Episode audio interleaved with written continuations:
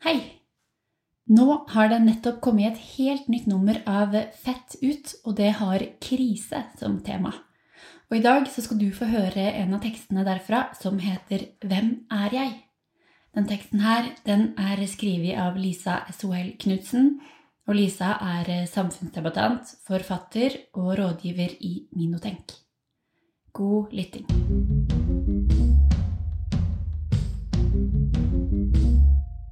Hvem er jeg? Spørsmålet har jeg stilt meg sjøl siden jeg var fem-seks år gammel. Hudfargen min er årsaken. På sykehuset tok de mange tester av meg fordi de trodde at jeg var syk. De visste ikke at min afrikanske pappa kunne forklare den gulaktige huden min. Et par år senere ville jeg komme gråtende hjem til mamma og si at jeg ville være hvit som hun. Nå som jeg er eldre, tenker jeg på hvordan et samfunn kan få et lite barn til å tro at hun bare delvis er verdifull. Jeg husker at jeg googlet er jeg hvit eller svart, som om nettsiden kunne se eller gi meg svar på hva og hvem jeg var. Jeg brukte timevis på å lese om alle de ulike begrepene, identitetene. Jeg leste om one drop rule, som var en regel i USA som sa at om man hadde noe kjent svart blod i årene, så ble man regnet som svart. Jeg fant begrep som mulatt, som beskriver en person av svart og hvit avstamning. På én side kunne jeg lese at begrepet kom fra muldyr, som er en blanding av en hest og et esel. Tidligere hadde jeg hørt ordet bli brukt om meg, så da tenkte jeg at dette var det nærmeste jeg kom. Mye av dette søket etter svar handlet om at jeg var besatt av å ikke være svart. Det er for jævlig. Men det er sant. For helt siden jeg var liten, har jeg blitt utestengt, sparket, slått, ropt etter, vitset med, dyttet og kalt de styggeste tingene fordi jeg har en far som er svart. Nå vet jeg at det er samfunnet det var noe galt med, ikke svartheten min.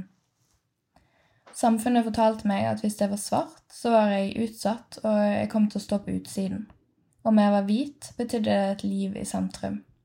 Det betydde å være synlig og usynlig på en god måte. Selvfølgelig vil, vil man være hvit da.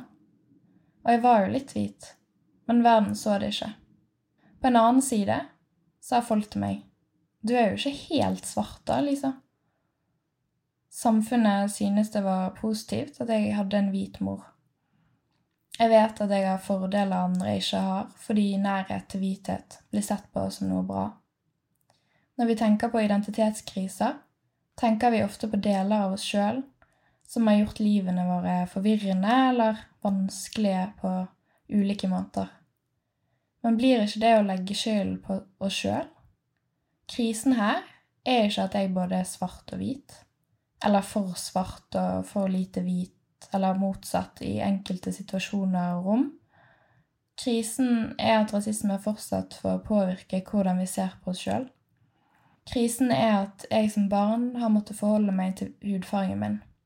Krisen er at den blir sett på som noe avgjørende for mitt menneskeverd.